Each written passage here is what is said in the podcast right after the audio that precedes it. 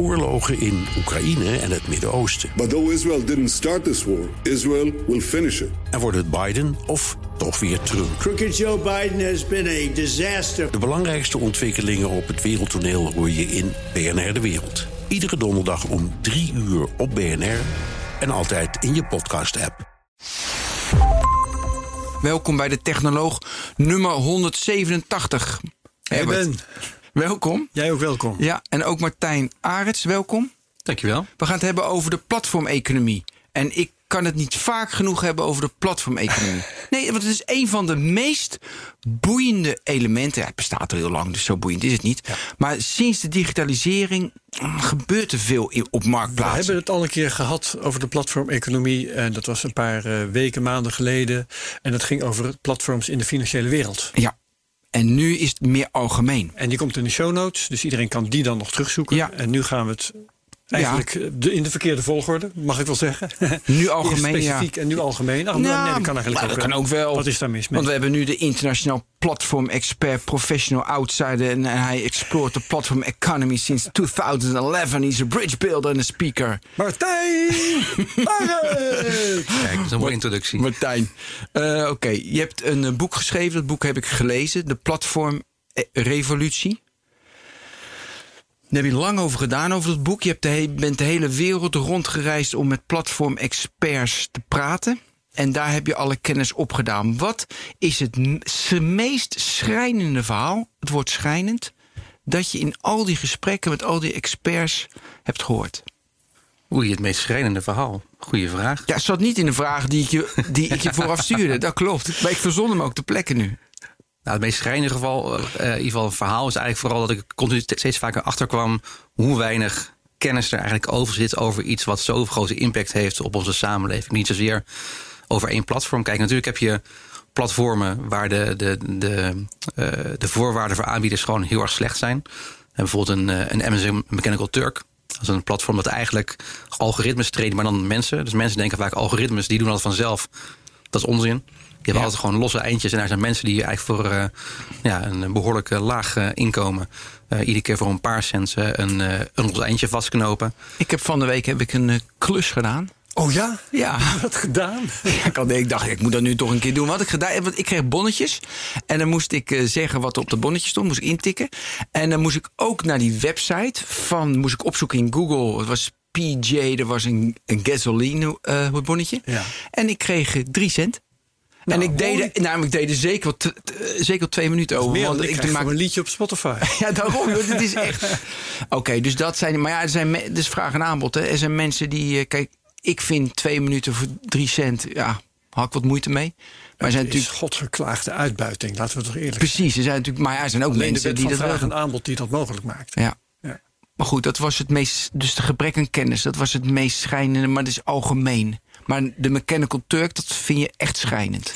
Ja, schrijnend. Kijk, het lastige is, kijk, die platform als, als Mechanical Turk, die enerzijds als aanbieder heb je de wereld als klant, maar ook als concurrent. En dan zie je dus dat Ja. ja. die prijzen omlaag gaan. En op zich is een, een inkomen van een paar cent per minuut voor iemand die bijvoorbeeld in India woont, is prima. Daarom. Ja. Maar in, eh, in Amsterdam is het een stuk eh, lastiger om daar je huur van te betalen. Dus het lastige daarvan is juist, omdat het ook open voor iedereen staat, eh, is het voor een bepaalde groep is het, eh, is het prima. Eh, en voor een andere groep is het gewoon eh, ja, uitbuiting, zoals jij Ja. noemt. Leuk, leuk om, dit zo even, om hier even mee te beginnen. Maar nu wil ik heel graag dat jij platform definieert. Nou, in ieder geval de, de, de manier waarop ik naar platform kijk, is eigenlijk dat platform een, een, een marktplaats is. Dus een website wat vraag en aanbod bij elkaar brengt. Over het algemeen zijn zowel vraag als aanbod enorm gefragmenteerd. Want dat, want dat is in ieder geval de beste omgeving waarin een platform, platform werkt. En wat een platform eigenlijk doet, is een aantal dingen. Eh, ze lossen eigenlijk de informatieasymmetrie op. Oftewel, ze weten alles van alle partijen. Wat positief is, maar ook natuurlijk een aantal negatieve kanten heeft. Eh, vervolgens creëren ze ook een stukje vertrouwen in de transactie.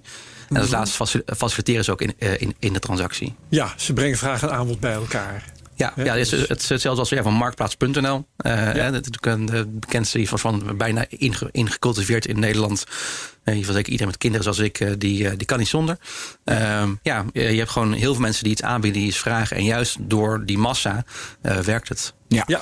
Maar we, we- laten we die elementen. Je hebt in je boek vier elementen. Dus de eerste is de informatieasymmetrie verlagen. Weet je, laten we, laten we die eerst even uitwerken, even uitdiepen.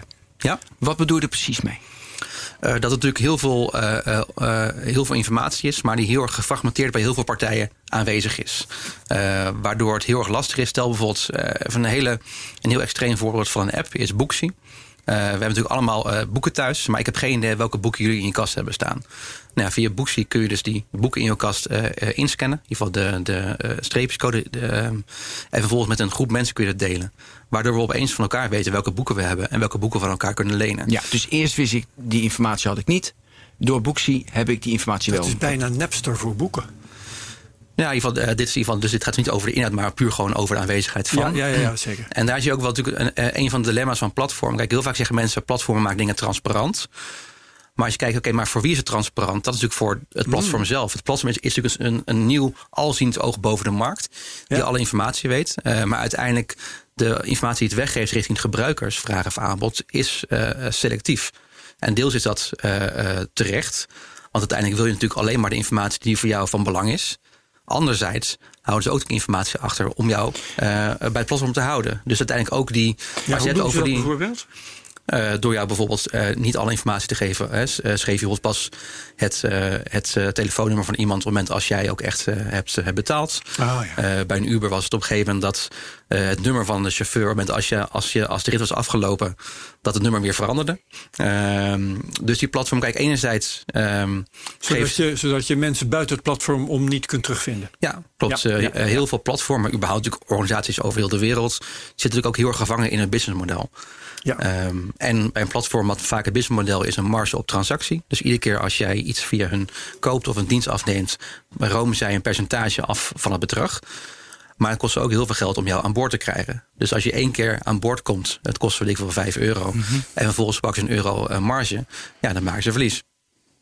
Ja, maar even dus de, eerst die aanbieders. Uh, dus, dus, dus de aanbieders, naar mijn idee, zie ik wel als ik uh, op Amazon uh, voer, uh, hondenvoer verkoop, dan weet ik ook wat mijn concurrent voor hondenvoer verkoopt. Dus wat is de asymmetrie dan? Dus voor de aanbieder, of is dat ook, hebben ze, ze hebben toch geen andere voorwaarden? Het is toch gewoon standaard voorwaarden Amazon, standaard voorwaarden Bol? Uh, sowieso uh, is, is er natuurlijk heel veel discussie over, over überhaupt de informatievinding van platformen. Uh, oftewel, op basis van welke variabelen kom je onderaan of bovenaan de lijst te staan. Daar is ja. bij Amazon natuurlijk heel veel discussie over. Dat is Amazon ook, en dat is natuurlijk wel één specifiek kenmerk van e-commerce platforms. Dat over het algemeen zijn ze vaak maar voor de helft echt een platform. Oftewel heel veel aanbieders richting, uh, richting klanten. Mhm. En aan de andere kant, voor de andere 50% zijn ze ook gewoon zelf een webwinkel met een eigen magazijn. En Amazon staat er ook wel onbekend, hoewel ze dat natuurlijk ook zelf uh, ja, logischerwijs uh, ontkennen. Ja. Dat ze gewoon heel erg goed leren van die data en vervolgens het zelf aan gaan bieden. Even een vraag tussendoor en daarna ga ik over de, dan ga ik over de informatie-asymmetrie door. Maar deze vraag tussendoor. Uh, is het nu verstandig als je hondenvoer verkoopt... om ook op Amazon je hondenvoer te verkopen? Of moet je je eigen webwinkel aanhouden? Um, ik denk uiteindelijk dat uh, op het moment als je als organisatie, wat je ook doet, met, uh, gaat kijken goh, wat, wat, wat moet ik met platformen. Dat je altijd in je achterhoofd, achterhoofd moet houden is ja, hoe laat ik een platform voor mij werken in plaats van andersom. Dus je kunt misschien platformen heel goed gebruiken, bijvoorbeeld voor nieuw klantcontact.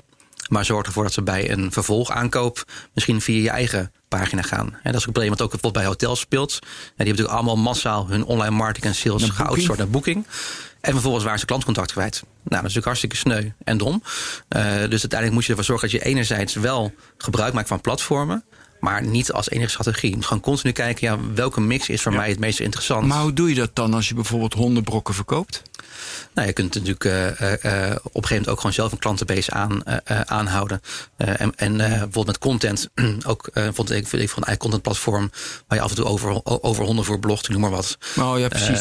ja. Kijk, het, blijft, het gaat erom in ieder geval. je eigen brand op, weet je, bouwen, maar dat is duur. Nou, nee, dat is, duur, ja, dat is een keuze. Kijk, in ieder geval, het, het, het, het, het grootste gevaar voor, voor ondernemingen die met platformen samenwerken, is dat ze hun klantcontact wegleggen naar een platform. Waardoor je gewoon een ja, ja. Uh, niet zeggende aanbieder bent geworden en daardoor vervangbaar. Ja, die informatieasymmetrie, we hadden het over, de, over, het, over het aanbod. Nu de gebruikers. Dus jij vertelde net, daar zit dat je het telefoonnummer van Uber, je weet, niet, je weet heel veel dingen niet. Maar wat weet ik niet als ik iets bij Bol koop? Um, nou, je weet in ieder geval niet in ieder geval, uh, uh, waarom uh, de ene aanbieder bovenaan staat en de andere niet. Ja. er is wel, er komt 12 juli komt er een Platform to Business verordening aan vanuit, vanuit Brussel. Die dus platform met een professional als aanbieder en een consument als klant verplicht om bepaalde transparantie te bieden in onder andere mm. de opbouw van de ranking, maar ook van goh, waarom word je van een platform wel of niet verwijderd. Wist ik niet, mooi. Ja, dus er zijn eigenlijk heel veel. In ieder geval, een van de grootste platformvraagstukken van nu en van de komende paar jaar is uh, uh, de rol van marktmeester. Hè, de platform is de marktmeester, die bepaalt regels. Um, ja, hoeveel verantwoordelijkheid ga je vragen aan zo'n platform uh, die ja. die rol heeft? Ja. Hey, de tweede was platformen verlagen en verleggen transactiekosten door gebruik van data, algoritme en kunstmatige intelligentie. V leg uit, verdiep. Het, ja. het, dus het verleggen van transactiekosten. Ja, in ieder geval, ik denk dat het belangrijk is om, om te zeggen dat het verlagen en verleggen is. Kijk, verlagen is enerzijds door bepaalde dingen te automatiseren. Uh, door, door bijvoorbeeld uh, de zoekkosten te verlagen. Uh, bijvoorbeeld, bijvoorbeeld een mooi voorbeeld bijvoorbeeld hier in Amsterdam, dat is, dat is, dat is Romler. En Romler die heeft drie platforms, Romler, tech, retail en, en, en, en Dat vond ik een heel mooi voorbeeld, ja. En wat zij met de Romler retail hebben, stel bijvoorbeeld, jij bent een marketingmanager van Coca-Cola. En jullie een of andere Abri-campagne bij de Albert Heijn. Nou, normaal had je geen idee hoe die dingen erbij stonden. Nou, Rome is iets van uh, 10.000 of tienduizenden uh, jongeren die die, die app hebben geïnstalleerd. Uh, maken heel slim gebruik van gamification. Dan krijg je een, een, een pop-upje op je telefoon. Van goh, bij de Albert Heijn bij om de hoek. Uh, maak even een foto van, van die abri. Krijg je weet ik wel 2, 3 euro voor. En op die manier hebben marketingmanagers heel erg snel en goedkoop market insights. Op een manier die je normaal nooit traditioneel via menselijke intermediair nee. zou kunnen, kunnen uh, krijgen. Ja, maar goed, je zegt nu 2, 3 euro. Maar dat is hetzelfde als een mechanical Turk. Ja, ik ga voor 2, 3 euro de bank niet af. Nee, maar dat gevaar ontstaat dan weer, hè? Ja, blijkbaar. Want net zeiden we van. Ja, nee, maar dat kan je ook zeggen over. We spraken schande eerder van over de Mechanical Turk. Maar goed, 2 cent, 3 cent is, is, uh, is in India veel. Dus eigenlijk maakt dat dan ook niet zo uit. Dus, want het werkt, zeg je. Nu. Ja, um, kijk, het, het, lastige is, je hebt natuurlijk in deze discussie natuurlijk een aantal variabelen. Je hebt natuurlijk variabelen van iemand die afhankelijk is van inkomsten of niet. Over het algemeen, degenen die zich afhankelijk voelen, die voelen zich vaak minder gelukkig, omdat ze echt ook gevangen zijn, ook, ook in het management van het algoritme. Degenen die het voor de bij doen, die, die hebben niks te verliezen. Dus die kunnen gewoon ook ja. dat gaan gamen. Uh, en daarnaast natuurlijk, en dat is ook iets, iets wat je natuurlijk ook nu bij deze coronacrisis voorbij ziet komen. Je hebt natuurlijk mensen die hebben de luxe om niet te werken. En mensen die dat niet hebben. En, en, over het algemeen kun je zeggen van goh, die paar euro is weinig. Maar dan is vaak de vraag, ja, wat is dan het alternatief? En dat is ook wel een hele lastige, omdat ook heel veel vraagstukken die rondom platforms spelen, eigenlijk meer brede maatschappelijke vraagstukken zijn, waar we, waarvan we af en toe de luxe hadden om ze niet te hoeven te stellen. Uh, dus leg eens uit, hoe bedoel je dat? Nou, bijvoorbeeld uh, uh, Helpling, een platform voor, voor thuisschoonmakers. Nou, op een gegeven moment was ook FNV die, die Helpling aanklaagde en zei goh, ja, jullie moeten die, die schoonmakers in dienst nemen. want ja, ze verdienen zoveel onder het minimumloon. Mm -hmm. En in heel veel discussies rondom dat Helpling-platform wordt gekeken naar Helpling versus een schoonmaakbedrijf. Dus heel veel discussies gaan over de ideale eerlijke wereld versus de platformwereld. Nou, de platformwereld, de platformwereld is niet eerlijk, maar de wereld erbuiten ook niet. Want wat is de concurrent van Helpling? Dat is de zwarte markt. En het probleem met ja. uh, thuisschoonmaken is dat wij als consumenten gewoon waardeloze werkgevers zijn. En nooit het tarief willen betalen waarvoor die schoonmaakster een, een, een maatschappelijk geaccepteerd minimum heeft. Ja. Uh, die zal dan dat gebeurt via een platform kunnen bekostigen. Nee, dus eigenlijk, eigenlijk een platform die spiegelt vaak uh, de, de conditie van de markt. Kijk, en dan is eigenlijk de vraag van oké, okay, als overheid, in ieder geval dit is een gegeven, dit, dit gaat niet veranderen. Dus de overheid heb je de keuze. Of je laat het zo, of je gaat dat uh, verschil ga je subsidiëren. En wordt in België, in Frankrijk, in Duitsland, in, in Scandinavië. Daar heeft de overheid besloten om dit soort werk te subsidiëren. Omdat ze weten, van, ja, de consument gaat nooit dat uh, bepaalde bedrag betalen. Um, maar, maar wij vinden het als maatschappij belangrijk dat die mensen een, een fatsoenlijk uh, inkomen krijgen. Mm -hmm. Dus wij gaan ja, ja, subsidie geven. Subsidie geven, gewoon een keuze. wacht even, hier wil ik meer van weten. Want hoe subsidiëren ze dat dan? in België heb je de, de dienstenchecks. in, in andere landen heb je gewoon bepaalde belastingvoordelen. Dat eigenlijk per land is het anders. Maar uiteindelijk, ja. zoals in België, die dat kost de, de, samenleving echt gewoon een paar miljard per jaar. Maar dat is een keuze die je maakt. Dus uiteindelijk zijn heel veel ja. uh, discussies eigenlijk gewoon terug te, terug te brengen naar, naar politieke keuzes. Dus de overheid maakt dan eigenlijk gebruik van de platformeconomie om dat uit de zwarte sfeer te halen? Daar komt het dan zo'n beetje op neer. Nou, in ieder geval, eh, het gaat daar niet zo, zozeer via platformen, maar, eh, maar, maar, maar, maar, maar via andere instituties die dus die subsidie eigenlijk verstrekken. Maar een, maar een platform zou in principe een hele goede eh, uitvoerorganisatie kunnen zijn. Ja. Ehm, wat ook natuurlijk eh, voor de platform heel erg fijn. Want, want kijk, het, het nadeel van een platform bijvoorbeeld als Helpling is eh, de eerste keer ben je heel blij. Want ze maken de, de link tussen vraag en aanbod. Ze doen wat achtergrondchecks. En de tweede keer, omdat het een repeterende transactie is tussen dezelfde vraag en de aanbieder. De tweede keer is de, toegevoeg- is de toegevoegde waarde van het platform natuurlijk een heel stuk minder. Dan is het agenda, een stukje payment, een beetje customer support. Maar wel een stuk minder. Dus uiteindelijk, ja, dat soort platformen die hebben ook heel erg de, de, de, de, de, incentive om ook na te gaan denken, ja, wat kunnen we nog meer? Puur ook gewoon uit, uit eigen belang. En hoe lossen ze dat nu op? Eh, door ja, zo relevant mogelijk te zijn voor de, voor de klant. Ook heel erg inspelen op ja, misschien wel de, de luiheid en het gemak van de, van, van de consument. Kijk, wij consumenten zijn, zijn natuurlijk luie donders. Ik ook. Dat is natuurlijk iets waar platformen heel erg op, eh, op inspelen. Je ziet wel eens dat platformen ook zeggen: wel, goh, eh, we geven je een boete wanneer je eh, buiten het platform afspreekt. Ja, heb ik ook eens gelezen. Alleen als ik je dan vraag van, goh, maar, maar gebeurt dat? Dan zeggen ze eigenlijk eh, nee. En ik vraag me heel erg af of dat uiteindelijk ook überhaupt juridisch in de rechtbank stand houdt. Ik geloof er niks van. Ja, maar even terug. Dus normaal of zwart werken of wit laten werken en schoonmaken. Nou, dat is te duur, dat kan niemand betalen. Dus Helpling die zorgt dan voor die tussenoplossing. Maar dan eh, is het niet eerlijk, want mensen verdienen te weinig. Dus dan gaat de overheid subsidie geven, zoals in België, Frankrijk, om dat aan te vullen. Ja, maar dat hoeft niet per se via het platform. Maar, het kan, maar, maar, maar het platform kan een uitvoerorganisatie zijn. Dat zou kunnen zijn. Voor die, en ben jij eh, daarvoor voor deze constructie? Vind je dat goed? Ehm, ja, kijk, uiteindelijk is het gewoon een politieke keuze die je maakt. Van, van, van is het geld ervoor? Want ja, een paar miljard is ook een hoop geld. Hoewel in deze tijd het wel meevalt volgens mij. Maar is niks.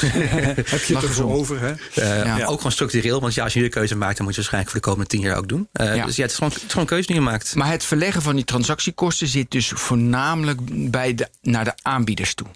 Want die moeten dus heel veel, eh, die schieten er vaak bij in.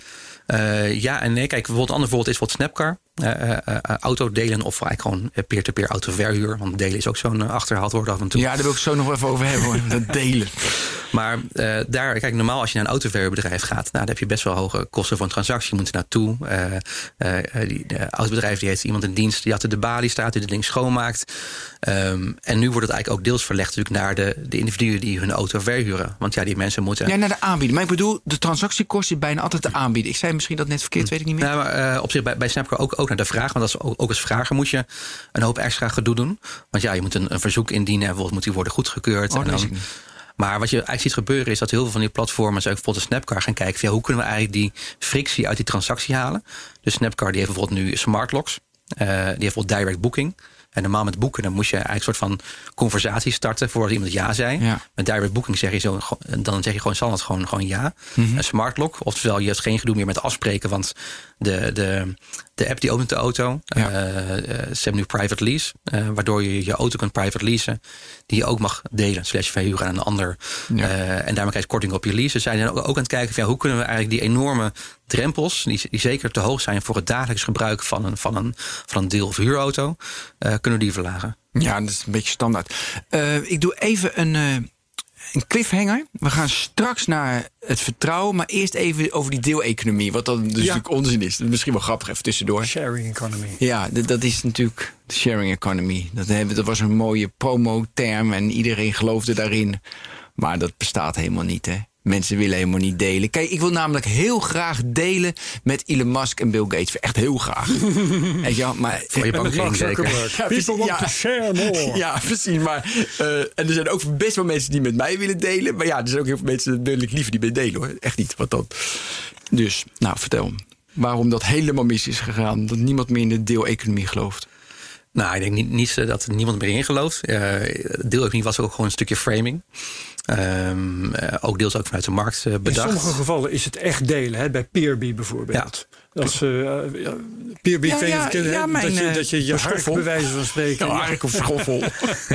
en je boormachine Mijn is het eeuwige voorbeeld. Je ladder dat je vreten. die beschikbaar kunt stellen aan de mensen in de buurt. Ja. Dat is delen, oké. Okay. Uber is helemaal geen delen. Er zijn, Ja. er zijn mensen die Nee, nee. leasen een auto om voor Uber te gaan rijden. Ja, ik ga, onzin. ik, ga, ik ga altijd standaard naar mijn overbuurman. Dan zeg ik, dat is onze ladder en onze boor. Dus hij denkt, hoezo? Ben, dat is mijn boor. En ik zeg, het is nu onze boor.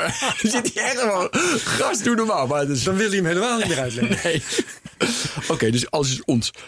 Eh, ja, dus het was deel, eh, deels ook marketing. En Ja, maar, eh, deels, deels was het ook wel echt wel iets. Kijk, ik denk wat we in Nederland heel erg goed hebben gedaan... is eigenlijk al toen hè, dat hele fenomeen deeleconomie vanuit, vanuit Amerika opkwam... in ieder geval die term, dat, dat we toen eigenlijk heel erg snel hebben gezegd... en daar heeft Koen Frenk, een professor aan de Universiteit Utrecht... ook een bijdrage aan geleverd. Heel snel een definitie hebben gezet. Dit is delen. En, en deeleconomie is eigenlijk dat, dat eh, twee individuen... eh, hun onbenutte capaciteit, eh, eh, spullen, Ja, eh, dat tijdelijk... onbenutte- Dat staat Ja. in jouw boek en dat vond ik goed. En dat- ja, nee, serieus. ik ook, Nou, ja. Het was niet het enige wat ik goed vond. maar eh, dat, dat, dat vond ik wel een beetje een eye-opener, die onbenutte capaciteit. En dat, dat zie je overal terug. Het is de onbenutte capaciteit van mijn hark. Ja. Het is de onbenutte capaci- capaciteit van, mijn- mijn auto als van ik hem tijdfoto voor maken. Uber ga Ja. rijden of hem in Snap, bij Snapcard te huur zet. Ja, tijd is natuurlijk niet zo van, want het lastige van tijd is natuurlijk van ja, als jij lekker thuis op de bank zit met een biertje, onbenut. kan Inge zeggen onbenut. Ja, misschien dat jij dat vindt. maar dat is ja, maar, nee, maar dat is onbenutte capaciteit. Airbnb met je huis, Ja. weet je wel. Als je huis niet gebruikt wordt, Nee, maar ik dacht die foto maken. komt heel veel terug. In de winkel. Ja, dat om, ja, maar dat- je kan ook natuurlijk de discussie hebben van... is het soms niet belangrijk dat iets onbenut is? Nou, als je het graag onbenut wil laten staan, dan kun je dat toch ook doen. Ben je toch vrij in? Ja, oké, maar dat deel je Ja, niet. Wat je meestal gebeurt binnen de deeleconomie is dat, kijk, sowieso delen we natuurlijk al jarenlang, eh, al, al sinds mensheid dingen met elkaar. Eh, gewoon vaak gewoon binnen, binnen, binnen buurten delen we auto's, eh, ladders ook en, en boren. In ieder geval, in ieder geval doe ik in ieder geval met, met, met mijn buren zonder platform. Gewoon eh, de hoge druksplatform om Maar de het tegels wordt schoon te makkelijker maken. Daarom, kijk, die platformen die verlagen drempels. Ja. Dus enerzijds zag je wel, en zie je ook wat dat er echt wel platformen zijn die echt dat, nou ja, wat je dan echt als delen zou, zou kunnen definiëren, doen. Alleen het lastige wat je daar ziet gebeuren is dat eh deeleconomie misschien eigenlijk meer een soort van tussenstap is naar een meer circulaire economie. Eh, omdat natuurlijk op het moment als jij. eh, de- kijk, want spullen gaan natuurlijk heel snel stuk. En het businessmodel van, van fabrikanten is vervanging. Dus op het moment als jij iets gaat delen en, en, en vaker gaat gebruiken met, met, met, meer, met meer mensen, dan zijn die spullen helemaal niet op, op voorbereid. Eh, daarna wat je ziet gebeuren is dat het hele eh, peer-to-peer delen, dus hè, van, van twee consumenten naar elkaar toe, ook best wel hoge drempels heeft. Het is vaak best wel gedoe. Terwijl wanneer je het juist echt naar impact wil, eh, wil, eh, wil gaan, gaan, gaan, gaan opschalen, dat is dus waarschijnlijk veel beter dan dat, dat, dat, dat gewoon een bedrijf of, of een fabrikant gewoon ik veel, duizend auto's neerzet Ja. en die via een app deelt. Dat Eh, zegt Tesla ook. Hè? We gaan het zelf wel doen. Op termijn. ja, ja, dat is een mooie Of ze dat echt gaan doen is de vraag. Maar Ja. het, eh, dat, dat een bedrijf dat in handen zou nemen, dat is, eh, Ja. wel, een, dat is wel denkbaar. Maar dus in Nederland zien we eigenlijk dat we eigenlijk redelijk, relatief snel, eh, heeft nog een paar jaar geduurd, eigenlijk een beetje dat woord deeleconomie hebben laten varen. Omdat we eigenlijk al heel snel wisten wat het wel was en ook vooral wat het niet was. Uber is dan geen deeleconomie. In andere landen zie je dat het heel anders is gegaan. En dat zie je ook een beetje eh, als, als reflex van instituties. En bijvoorbeeld in, in, de, in, de, in de UK, daar was de overheid gelijk toen dat hele platform sharing verhaal binnen eh, in ieder geval opkwam. Zei ze gelijk van, goh, wij, eh, eh, eh, eh, verde- die verdedigen de markt van, ja, wij willen een trade, een, een trade body, een, eh, een beroepsvereniging, hoe heet het? Een, eh, een, Trade eh, body. Vakbond? ja, nee, niet vak, in ieder geval eh, voor de platformen. Dus een, eh, Ja, brancheorganisatie. brancheorganisatie. Ja, ja, Ehm, dus ga het maar regelen. Ehm, alleen omdat zij al zo snel dat hebben geïnstitutionaliseerd, hebben ze dat ook gelijk Sharing Economy UK genoemd. Waardoor ze nu heel moeilijk weer van die term afkomen. Terwijl eigenlijk in Nederland eigenlijk nu wel, Ja. ook in de media, wel steeds vaker naar puur platformeconomie breed gaan en veel beter het beestje de juiste naam geven. Ja, hey, ik wil nog heel veel vragen. Dus ik wil even deze deeleconomie. Ja, dat wil ik Oké. even laten zien. Ja, we gaan even Take doen. it away. Want, want nu komt de cliffhanger. Want we hadden Oh ja. dus het reduceren van de informatieasymmetrie. Toen hadden we het verleggen van de transactiekosten. En de derde was vertrouwen. Ja. Nou, vertrouwen echt in Uber is echt eh, heel hoog. Nou, als je of in als- Airbnb. Of eh, echt Nou ja, als je de chauffeur maar vertrouwt. Nee, maar ook in die platformen. Ze hebben best wel negatieve Ja. pers, een negatieve kijk erop. Van dat ze mensen uitbuiten. Weet je, Amazon buit mensen uit. Weet je, Big Tech. Is, is niet zo van wow. Weet, nu is echt, als er nu, als nu, een, nou nu niet, was het natuurlijk corona, maar als iemand het laatste jaar in mijn omgeving eh, een Uber nam, of ik nam een Uber, nou, ik werd echt gewoon, eh, mocht echt niet meer, maar echt met pek en veren, je zit de hele wereld te verzieken. Je kan nagaan, hè? Ja, nee, ik vind het Maar ook voor raar. hoeveel mensen is het dan een reden om dat platform niet te gebruiken? Nou, heel weinig. Je vindt ze wel onsympathiek. Maar je Maar ja, dat gebruikt ze toch. misschien Albert Heijn ook, bij wijze van spreken. Ja. Of, Of de. Primark. Hè? Ja, precies. Ja. Dus iedereen heeft zijn eigen... Zeeman. Ja, maar uiteindelijk ben je toch opportunistisch. En als je denkt van, eh, ik, heb, eh, moet ergens heen, Ja. dan pak je toch een Uber. Nou, vertel hem over dat vertrouwen. Zit eigenlijk je stoelpoten te zagen. Ja, precies. Leg uit. Nou ja, in ieder geval, eh, wat de platformen doen is, is eh, ja, ze, ja, eh, ze creëren vertrouwen, maar natuurlijk heel vaak handel is tussen, tussen individuen. Eh, een van de dingen die natuurlijk vaak voorbij komt, dat zijn die review systemen, waarbij vraag en aanbod elkaar een waardering geeft. En je Ja. weet van, goh, ik kan jou vertrouwen. En die geven vertrouwen, precies. Ja. Ja, maar hoe kun je reviews nog vertrouwen tegenwoordig? Ja, Dat is daarom. Een heel apart hoofdstuk. Ja. Nou ja, dat is wel interessant. Heb je daar Ja. onderzoek naar gedaan? Heb je de cijfers van hoeveel mensen dat nog vertrouwen? Nee, maar wat ik wel zie is, kijk, de, de platformen waar ik nu over spreek, dat zijn eigenlijk, eigenlijk eh, transactionele platformen. Oftewel van het begin tot het eind loopt de transactie via het platform, inclusief betaling. Waardoor het veel lastiger is om nepreviews te, te, te, te, te krijgen dan wanneer eh, voor be- bepaalde review-websites. Dus, o- dus over het algemeen zijn die, eh, zijn die eh, reviews eh, wel redelijk betrouwbaar. Er is natuurlijk wel, eh, ja, nee, in ieder geval, er is natuurlijk een, een, een, een bepaalde macht. Hè, dat is natuurlijk weer een, van de, een van de negatieve effecten. Je kunt natuurlijk Ja. zeggen van, goh, weet je wat, eh, als je het niet voor me doet, geef ik je eerst een review. Ehm, daarnaast is er ook heel veel review-inflatie, zoals ik het noem. En hoe vaak je het gebruikt, hoe minder je vaak je review wil achterlaten. En daarnaast, ja, het is vaak een 5-sterren systeem.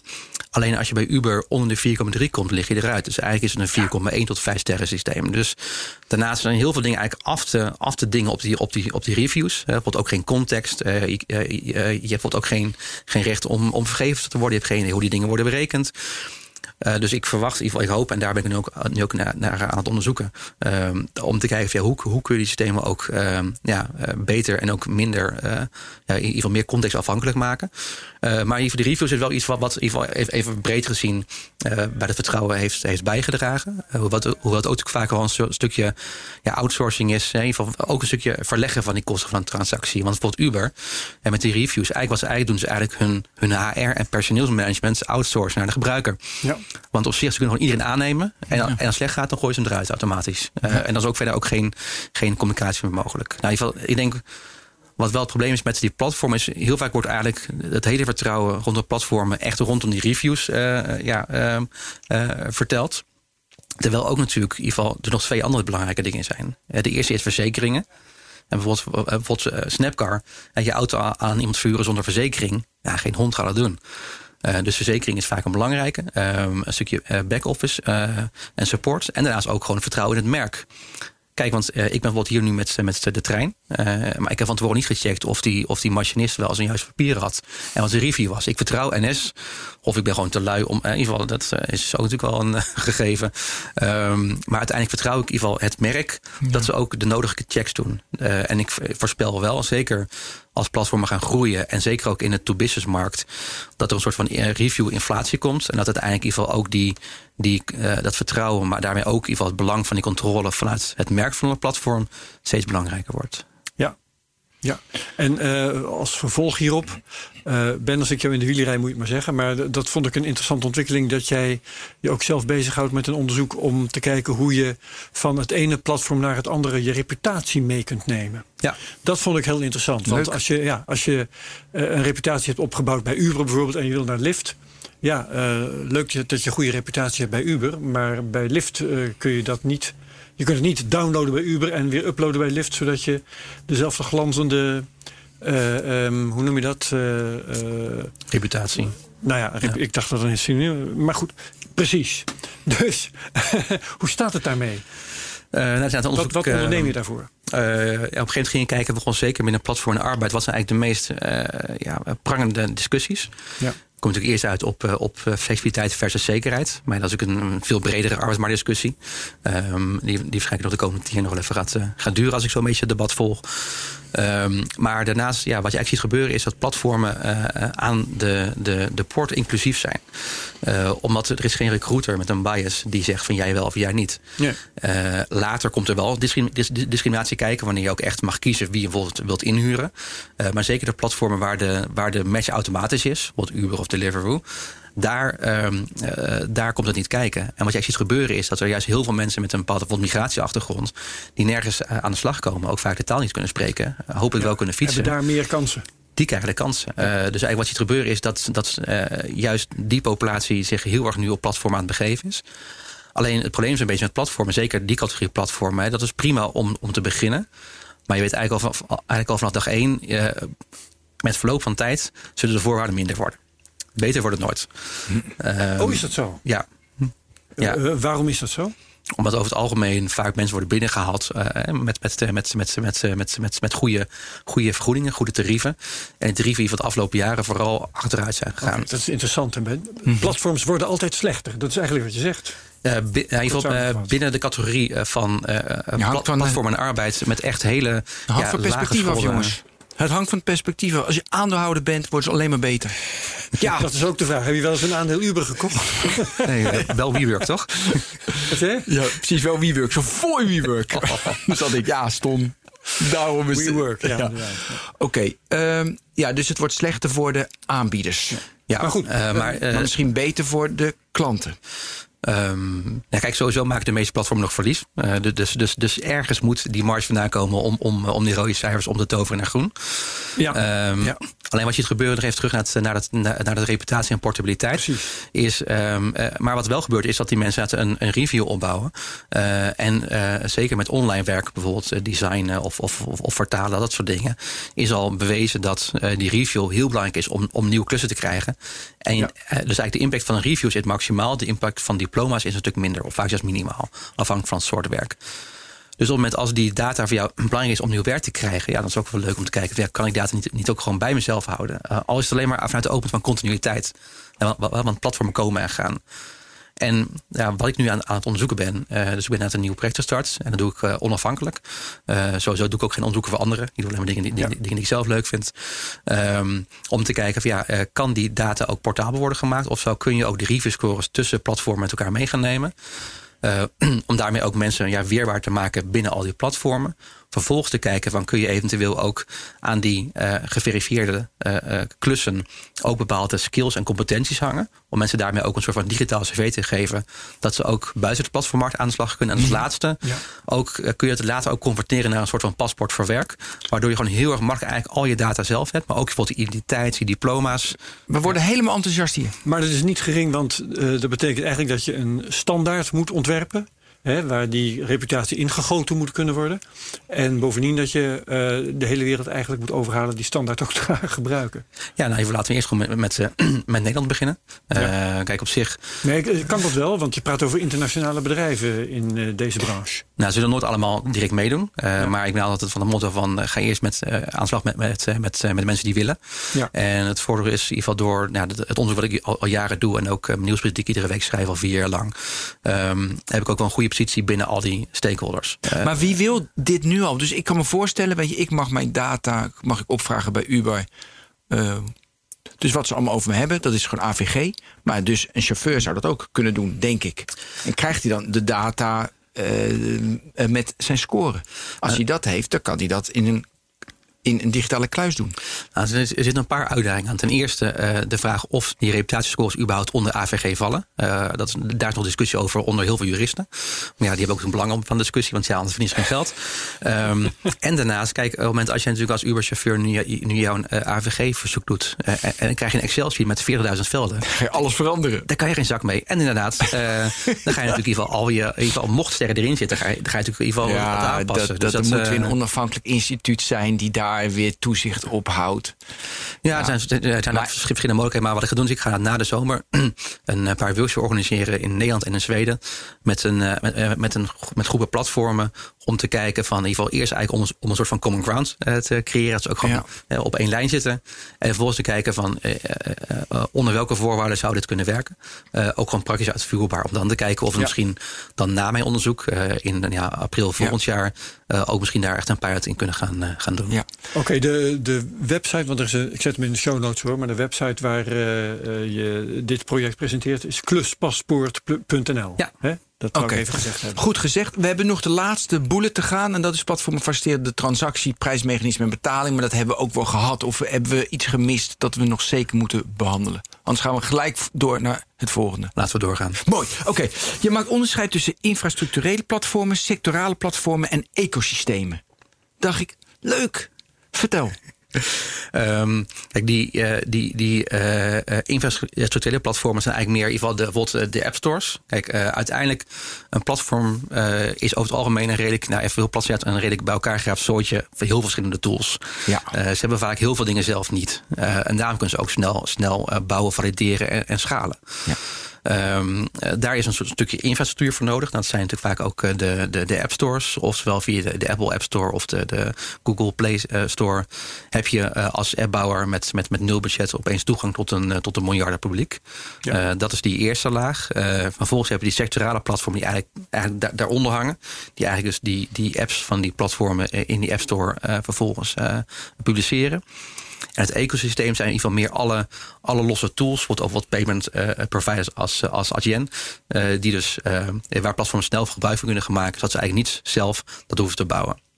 En Precies, Molly, je hebt alle tools die ze gebruiken om de wereld... ID-verificatie, je hebt het van alles. Oké, dus dat is het onderscheid. En dan wil ik toch nog iets over platformen hoor, wat je weten. Kijk, je noemde net Apple, met, dus met de App Store. Dat is een platform. Waarom? Mens, iedereen die. eh, eh, dus jij kan een app maken, die zet je in de App Store. En heb jij dat contact met de klant. Dat is toch fundamenteel iets anders dan Uber. Want ik bouw niet op dat, wat, zoals jij het noemt, infrastructurele platform. Dus daar daar zit een onderscheid in. Of, of is dat precies de sectorale platform en het infrastructurele platform? Nee, het zit wel een, er zit wel een ongat in, want uiteindelijk natuurlijk met die, die echt sectorale platformen, dat, dat zijn echt de marktplaatsen waar echt individu met individu met elkaar eh, eh, bepaalde dingen uitwisselt. Eh, waarbij die infra- infrastructurele platformen meer eigenlijk een soort van. eh, Shopify ja, is een voorbeeld, Microsoft is een voorbeeld met de marketplace. Dus Ja. daarin kunnen mensen iets opbouwen. En Ja. wat gebouwd is, dat gaat weer naar de consument of naar de klopt. gebruiker. Ja, ja. Oké, dus dat is het onderscheid. Mooi dat we dat weten. Oh ja, die had ik ook. Eh, weet je, weer- even allemaal, je had Snapcar genoemd, Helplink had je al genoemd, BlaBlaCar, Five, eh, GoBoni. Ja, hoe gaat het? Weet je, als ik dat denk van ja, dat kwam allemaal op en zo. En, maar neem die usage nog echt gewoon toe? Gaat het echt als een tierenlier? Zitten we, of is het allemaal, ja, het valt toch een beetje tegen. Ik denk dat- Uiteindelijk. Ik denk, kijk, sowieso alles met technologie. Hè, het, eh, eh, op korte termijn is het altijd dat tegen op lange termijn eh ben je altijd verbaasd. Dus ik denk, ehm, als je kijkt met die platformen, het, het gaat langzaam. Ehm, de discussies zijn groot, maar als je kijkt hè, hoeveel, eh, welk percentage van het aantal transacties echt via een platform verloopt, is eigenlijk in heel veel markten echt gewoon minimaal. Ehm, maar, maar de groei die zit er zeker in. En wat je ook ziet gebeuren is ook een stukje meer eh, platformen ook binnen, binnen meer professionele domeinen. Of bijvoorbeeld eh, grote spelers die zelf platformen gaan starten. Dus eh, die groei die zit er echt nog wel de komende jaren heel erg in. Eh, daarnaast nu wordt er heel erg naar platformen gekeken als een losstaand eh, bedrijf met een losse vraag- en aanbodbase. Terwijl ik denk ook, wat ik zeker zie gebeuren binnen arbeid, dat ook heel veel platformen komen die eigenlijk meer als een SaaS, software as a service oplossing, eigenlijk bestaande processen gaan, gaan, gaan faciliteren. Misschien een beetje zelfs met, met, met, eh, eh, met blockchain. Hè, met blockchain we eerst dachten van, goh, we krijgen even, die gaan ieder geval de, de, de notarissen, de verzekeraars en de banken vervangen. En wat je nu vooral ziet gebeuren is dat, is dat ze heel veel achter de schermen processen gewoon vereenvoudigen en goedkoper maken. Eh, is misschien wel, wel wat minder sexy, Nou, dat, dat maakt me niks uit. maar wel effectief. Nee, maar het gaat meer om dat je, je had een platform voor eh, inderdaad helpling, maar ook voor je honden uitlaten en een tandenborstelplatform en weet je een, een, eh, een Ja, pedicure soms is het wel een platform. platform om het platformen. Met die voorbeelden die jij nu noemt. Ja, maar dat was jarenlang zo, Herbert. Ja, De, en, en dat, weet je, die gekte, nou, dat is wel Nou ja, een. Uber voor puntje, puntje, puntje. Ja, hè? iedereen Ja. begon een Uber voor, ja. Ja, Niet meer. Nee, dus Nee, dat is de Dat uit. enthousiasme is wel een beetje... Ja. Nou, ik, ik, ik, denk vooral dat, dat in het begin kwam het enthousiasme, kwam het enthousiasme heel erg van: oké, eh, eh, een platform kun je heel erg makkelijk, laagdrempelig en goedkoop kun je, kun je, kun je eh, starten, valideren en groeien. Ja. Eh, ik denk dat we daar nu een beetje op terug zijn. Dat ten eerste een succesvol platform. Kijk, het last van een platform is, is een marktplaats die heeft minimaal twee klanten. En je moet continu moet je beide klanten tevreden houden. En over het algemeen hebben, beide klanten andere belangen. Je bedoelt de aanbieders en de kopers. Ja, precies. Eh, dus eigenlijk het hele platform marktplaatsmodel is eigenlijk een enorm lastig model om, om Ja. succesvol te maken. Daarnaast heeft hij heel vaak eh, lokale netwerkeffecten. En bijvoorbeeld Uber is ja, bij elkaar misschien het grootste taxibedrijf ter wereld.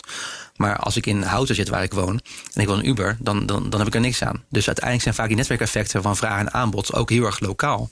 Waardoor ze heel veel moeten investeren om, om eigenlijk in ieder postcodegebied opnieuw de juiste balans te krijgen in vraag en aanbod. Dus denk ten eerste dat inderdaad heel veel is onderschat van het platformmodel. Hè. We, we, we, bouwen, een app- we bouwen een app, we gooien online en vervolgens worden rijk.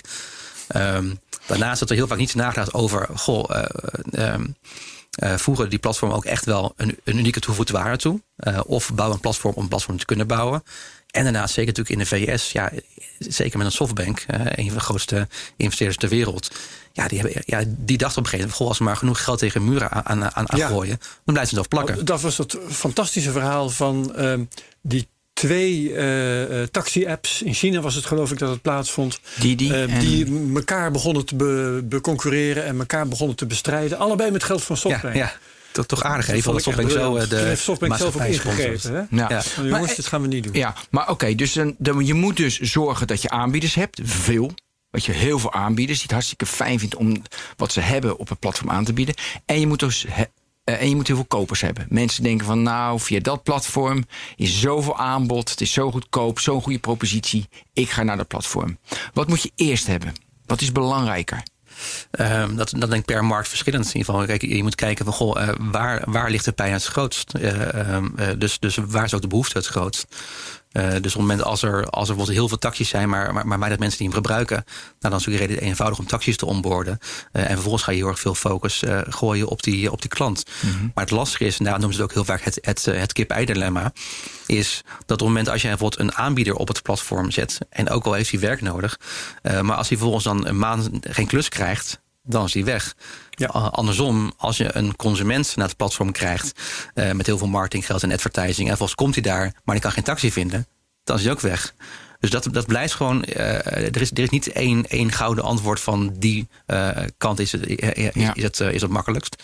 En dat maakt het ook juist zo, zo lastig. Ja, ik dacht altijd van dat ehm, de aanbieders makkelijk te verkrijgen zijn. Want ja, iedereen eh, uiteindelijk, weet je, als je maar genoeg geld geeft, dan gaat iedereen wel in die taxi rijden. Of iedereen gaat dan wel schoonmaken. Snap je? Dus Ja, nou, het Dus valt, eh, dacht ik. valt tegen. Daarna zie je natuurlijk ook, kijk, waarom Uber ook begon met Uber Pop. Was natuurlijk omdat ja, iedereen zo taxi kon gaan rijden. En tegenwoordig moet je een vergunning hebben. En dan ben je sowieso een paar maanden en een eh, duizendje of vijf ben je kwijt.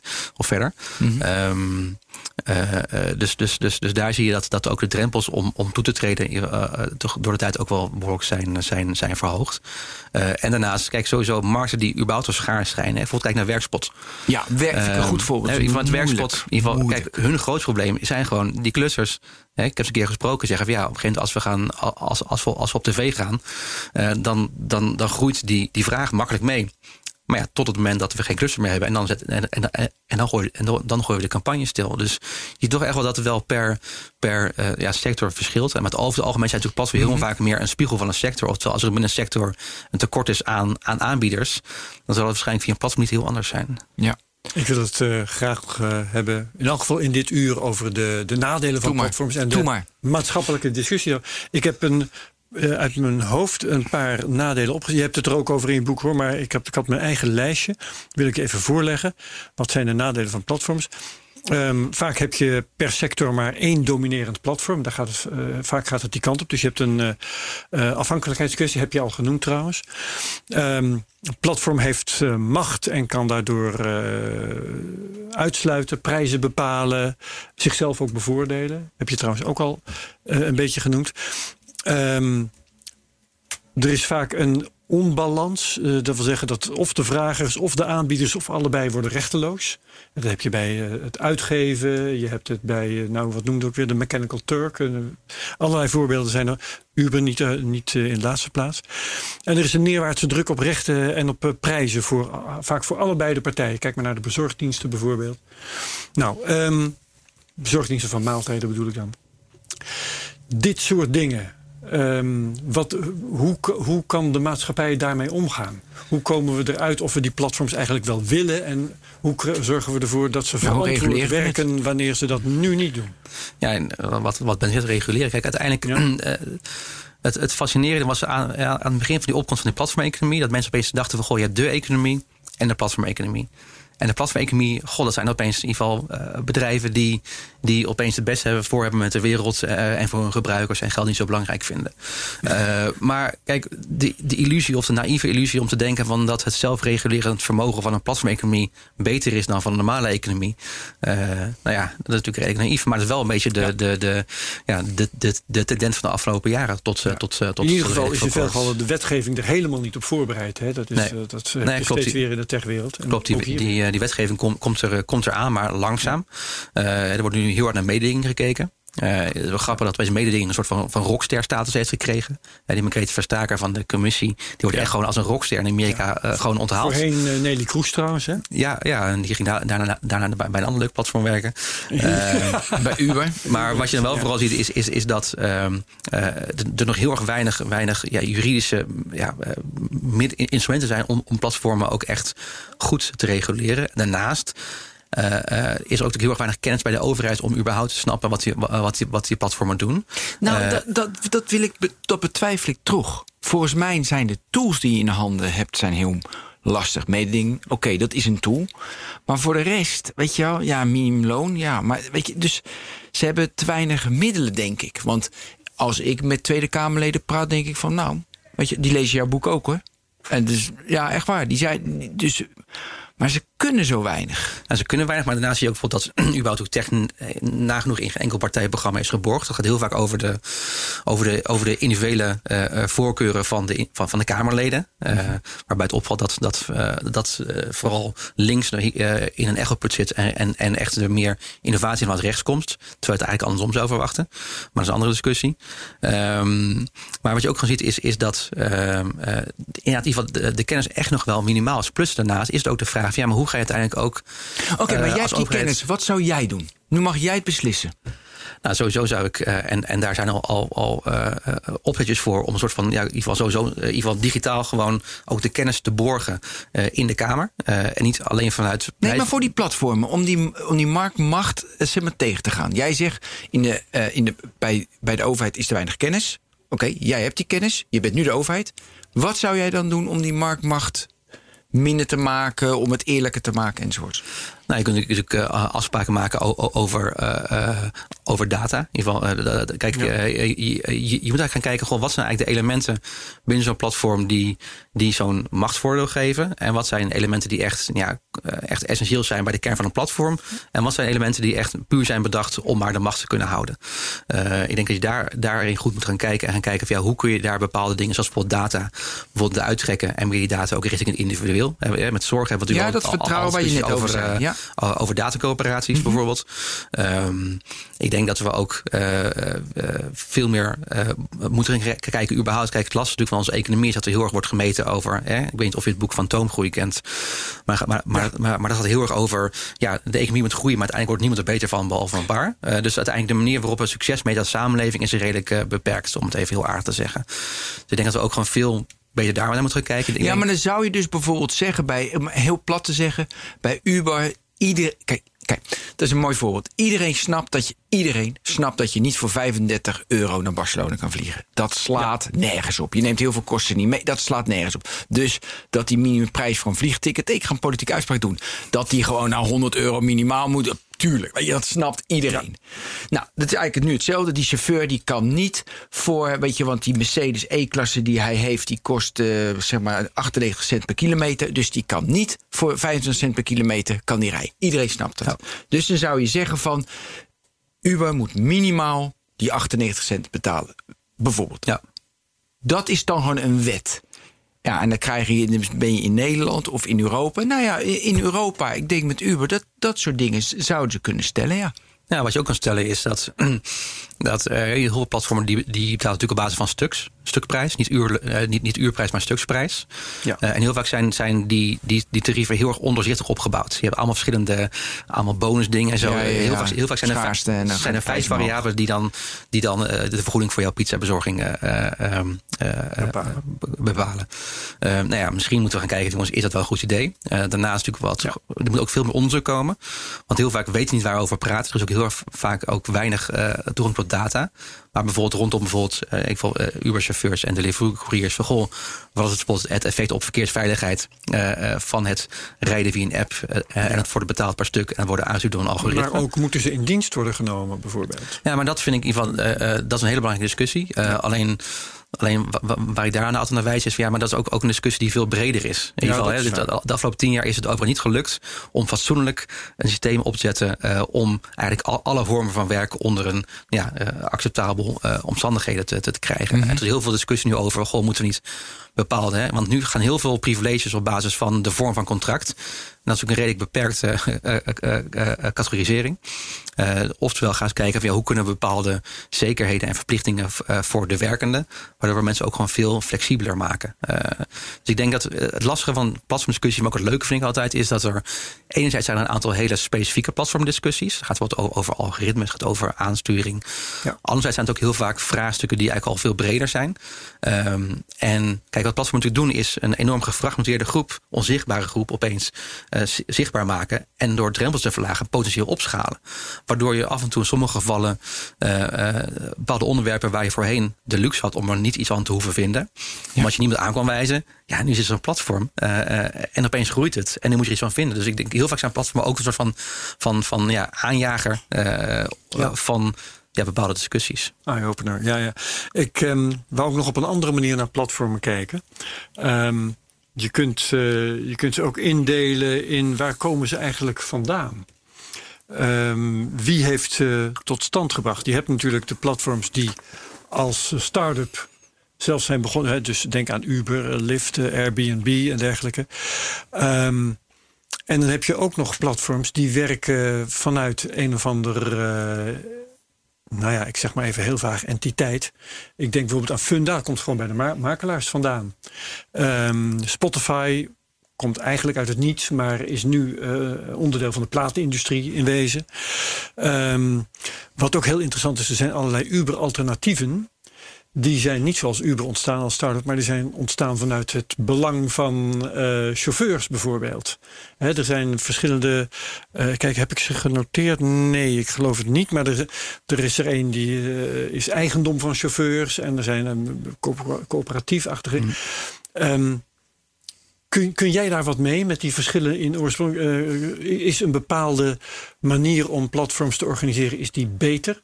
Want, want ja, dat, dat Uber en Lyft en Airbnb dat tot allerlei uitwassen leidt, dat is eh, zo duidelijk als wat. Ehm, is het misschien goed om platform eigendom te maken van degene die er deel aan nemen? Ja, dat ligt eraan. Ehm, ik heb zelf inderdaad ook vrij veel onderzoek gedaan naar platformcoöperaties. Inderdaad, waarbij het, eh, het, het, eh, het, het eigenaarschap van het platform en het bestuur bij degene ligt die afhankelijk zijn van het platform. En, en de andere kant is natuurlijk Funda dat eigendom is van de, van de makelaars. Ja. Het is in elk geval duidelijk. Het is duidelijk, je, maar je weet gewoon dat die proberen mijn huis te verkopen. Het is duidelijk, maar het lastige ook aan dat soort dingen is... eh, ten eerste, het lukt al heel veel platformen niet, niet met, met miljarden funding... om succesvol te zijn. Dus waarom zou een coöperatie met beperkte middelen dat wel kunnen? Ja. Dus dat zie je, de platformcoöperaties onderzoek ik nu al vijf jaar. En alsnog is het in fase 0.1. Dus het is echt waanz- waanzinnig interessant, maar het is een heel lastig model. Het werkt vaak echt alleen maar wanneer er bijvoorbeeld een vakbond... bijvoorbeeld als partner instapt om ook bijvoorbeeld een stukje funding en continuïteit eh, te bieden. Ja. Ehm, eh, ehm, dus ja, eh, ja, ja dat, dat, eh, plus wat je ook ziet gebeuren, wat je bijvoorbeeld ook bij Funda zag gebeuren in het begin. Kijk, het lastige is, ehm, eh, heel vaak dan word ik gevraagd van, goh, platformeconomie, is dat, is dat eerlijk? En is dat beter? En dan is mijn antwoord altijd, ja, ja, het ligt eraan voor wie. Want heel vaak is het voor een bepaalde groep beter. En op het moment als, wat, wat je ook bij Funda zag in het begin, hè, de makelaars die zelf een platform starten, maar ja, vervolgens lieten wel alle- alleen maar makelaars binnen van Funda, van, van, van, Ja, van de, van makelaarsvereniging. Later heeft de rechtstreeks daaroverheen gegaan. Maar wat je ziet gebeuren is, kijk, het gevaar natuurlijk van een platform wat door een van de zijden van het platform wordt, wordt eh, bestuurd. Ja, maar dan is het voor mij geen platform. Dan is het gewoon, ik heb een winkel.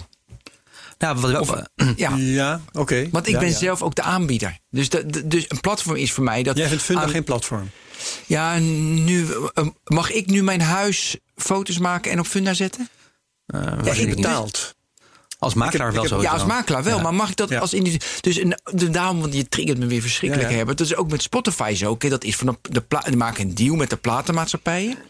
Weet je, en dan heb ik van, ja, ben je dan een platform? Je bent gewoon, je hebt alle aanbod mijn gekocht. liedjes staan ook op Spotify. Precies, maar nu... Nee, nee, daarom. Dus, en mensen hebben nu ook zelf maken ze liedjes. En jouw liedje staat op, dus dan is het al meer een platform. Maar ik heb dan met Funda of ook met Spotify... dan ga ik al eerder denken van, is dat daadwerkelijk een platform in jouw definitie? Trouwens staat mijn huis ook op, eh, op eh, Funda. Is een linkje in de show notes, of niet? ja, zet gewoon een Wat, linkje verhuizen, show notes. Herbert? Nee, nee, nee. Mijn tweede huis staat op Funda, staat te huur. Oh ja, Eh, Ja, maar je betaalt gewoon een paar tientjes. En dus, trouwens via Maar staan al die andere tien dat pandjes die je in Amsterdam hebt? Nee, dat is Airbnb toch? Oh ja, die andere tien pandjes heb je in Amsterdam zelf Airbnb. Oké. Ik ben Constantijn niet. kom zeg.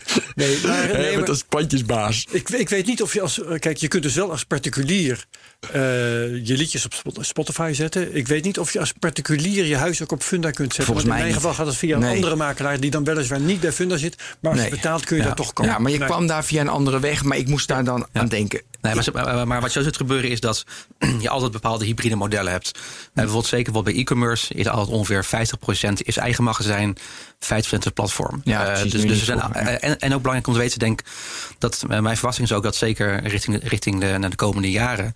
Dat het ook afhankelijk is eh, ehm, of je het de vraag of het aanbod die vraag stelt. Want over het algemeen, bijvoorbeeld hè, bij, bij bol.com, bijvoorbeeld mijn, mijn schoonouders, ehm, ja, die bestellen iets bij bol.com, maar die hebben geen idee dat daar een andere leverancier achter zit. Nee. Dus wat ik verwacht is dat er steeds meer, ehm, dat de klant niet doorheeft dat een platform is, maar gewoon op het, op het merk vertrouwt. En dat meer aan de supply kant, dat het platform is georganiseerd. Eh, wat ook natuurlijk veel meer controle gaat zorgen vanuit de platform. Dat uiteindelijk eigenlijk hun, hun merk en hun eh, eh, eh, customer journey pro- moeten proberen te borgen Ja. binnen externe aanbieders. En daardoor verwacht ik ook dat er steeds meer. Want hè, wat ik eerst zei, platformen, gefragmenteerde vraag, gefragmenteerde aanbod. Ik verwacht dat dat aanbod ehm, minder gefragmenteerd gaat worden. Want uiteindelijk, als bijvoorbeeld iemand één keer per jaar via Snapcar een dag zijn auto aanbiedt, dan kan hij nooit de ervaring aan die klant bieden die Snapcar wil uitstralen.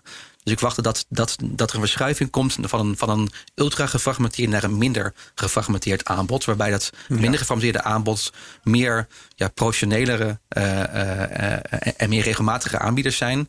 Die uiteindelijk ook een betere ervaring richting die, die klant kunnen, kunnen bieden. Voor je transactiekosten breng je wel weer een schakel erbij hè, in je waardeketen. Dus dan kan je transactiekosten kunnen weer meer worden. Klopt, Maar- klopt. maar En, en, en dan zal misschien blijken dat we in sommige modellen eh, ook niet uit kunnen. ja. En overigens moet ook in dat opzicht eh, meer helderheid in de markt komen. Want ik hoorde laatst ook van conflicten die er bestaan rondom bol.com bijvoorbeeld. eh, die dan eh, precies het voorbeeld dat jij geeft, eh, intermediair zijn voor een bepaalde verkoper die dan iets verkoopt aan een bepaalde klant. Alleen ze ge- bol.com geeft dan de klant de indruk dat ze eh, iets van bol.com kopen. De betaling gaat daar dan bijvoorbeeld heen en het briefpapier is van bol.com en zo. Alleen zodra er iets is met een garantie, verwijzen ze door naar de eigenlijke verkoper. Ja. En dat is een onduidelijkheid waar, zoals jij al zegt, eh, klanten vaak helemaal geen overzicht in hebben. Nee. En die ook ja, gewoon eh, problemen opleveren. Nee, klopt. Dus dat is ook iets, iets voor hun aandacht de kijken. Wat, wat je ook ziet gebeuren is bijvoorbeeld... Eh, Bol.com is bijvoorbeeld lid van thuiswinkel.org. Mhm. Maar heel veel aanbieders niet. Ehm, maar ja, wat we nu zeggen is van ja, in ieder geval, hè, die voorwaarden zijn afhankelijk van de aanbieder de, voor wie je hem koopt. Terwijl ik zeg, van, ja, op een gegeven moment ben je misschien als platform zo groot, ga gewoon zelf je eigen garantiefonds opstellen. Ja. En word je gewoon je eigen thuiswinkel.org. Want uiteindelijk ja, is het eh, voor hun natuurlijk heel belangrijk, ook voor een langetermijn bestaansrecht, om gewoon heel duidelijk richting de klant te communiceren wie ze zijn, wat ze zijn. En ook Ja. om die klant tevreden te houden. Want anders gaan ze weg. Ja, en, eh, en je wilt zeker niet dat eh, voor verschillende producten die je via bol.com koopt, eh, dat er verschillende voorwaarden voor gelden. Nee. Hey, ik heb nog heel veel te vragen en we hebben nog maar een paar minuten. Ehm, eh, ik wil ook nog weten over, je hebt de gig economy, dat komt door die platformen. Mensen heel, eh, heel goedkoop werken, snel een baantje voor, voor weinig geld. En eh A16Z had volgens mij een jaar geleden of anderhalf jaar geleden, dat vond ik wel grappig. Ja, passion economy, verschrikkelijke term. Ja. Maar ik denk niet dat iedereen het kent. Ik vind het wel even leuk dat je dat toelicht, want het is ook een platform waar artiesten of, of, of, eh, of leraren zich aanbieden. Maar dan gaat het om die ene aanbieder via Ja. een platform. Ja. ja, voor mij was het ook de eerste keer dat ik überhaupt die term hoorde. Dus ik heb hem even gelezen. Gaaf, hè? Ja, in ieder geval, dat is een mooie bullshit term weer eh, erbij bedacht eh, door, door de Nee, Amerikanen. maar- dat is goed. Maar in Dus geval, bullshit ehm, is erg, maar wel wat ze doen. Ja, want kijk, die ene, die ene leraar kan niet de hele wereld bereiken. Die kan niet al die, al die vraag aan. Want ja, hij kent die mensen niet. En een Ja. platform zorgt dan voor ja, heel veel aanbod.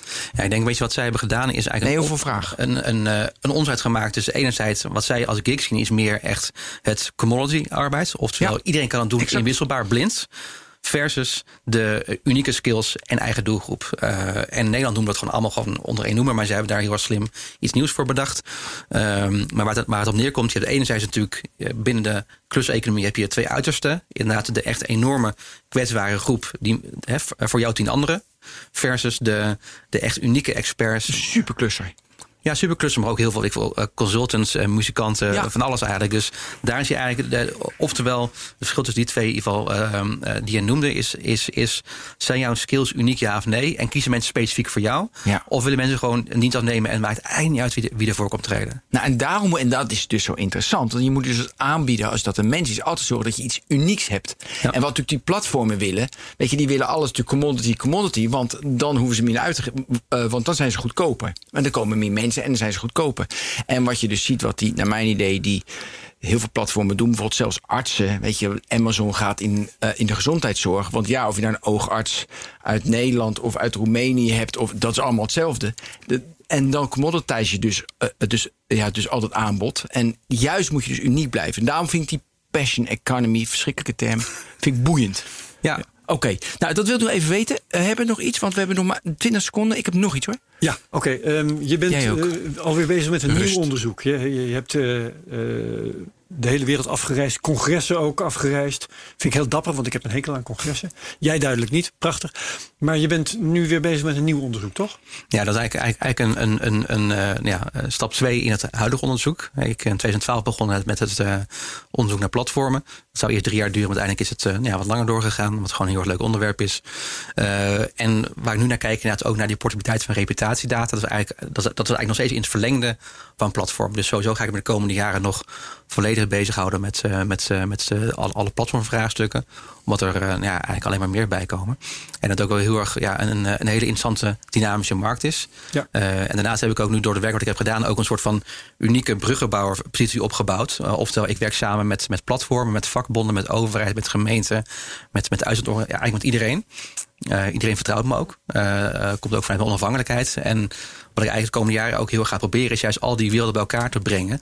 om gewoon een keer een aantal ja, uh, constructieve discussies te voeren... in plaats van elkaar alleen maar via de rechtbank te zien. want, ja. Kijk, want wat je eigenlijk ziet gebeuren is... en ook met de workshops die ik vorig jaar heb georganiseerd... op het moment als die mensen met elkaar... In, en die mensen spreken elkaar nooit. Maar op het moment als die mensen met, met elkaar in de kamer komen... dan kijken ze elkaar aan... dan opeens van, hey, wacht even je hebt eigenlijk ook gewoon een, een leuk, slim mens die wilt. En misschien dat we op institutioneel niveau uh, ver uit elkaar liggen. Maar op waardeniveau liggen ze vaak veel dichter bij elkaar. Dus ook überhaupt al die mensen elkaar leren kennen... is denk ik al een, een hele belangrijke eerste stap. Ja. ja. Nou, ik wil het nog hebben over voor locals en zorg voor elkaar. En uh, Power Peers en Green Wheels en Storage Share. We, ook allemaal, maar daar zijn we allemaal niet aan toegekomen. Dus ja, dat is toch jammer. Hebben mensen allemaal gemist. Moet je boek lezen. Ja, precies. Dat kan ook. Oké, okay, Martijn Arends, bedankt. Top. gedaan. Herbert, bedankt. Ben, Dit bedankt. was technoloog nummer, dan ga ik nu kijken. 187. We hebben er nog 13, dan zitten we op 200. En dat Oeh. wordt natuurlijk weer een groot festijn of niet. Maar we zijn wel met een festijntje bezig, hè? Ja, ja, ja. ja. Het festijn staat in de stijgers. Jongens, Herbert is met voor de festijn bezig. We moeten alleen nog even uitzoeken of we uh, daar ja. bij kunnen krijgen. Precies, ja. ja. Dat, dat, is een belangrijke vraagstuk op dit moment. Ja, maar qua gasten zitten we echt fantastisch. Oké, okay, dit was de 187 Tot de volgende technoloog.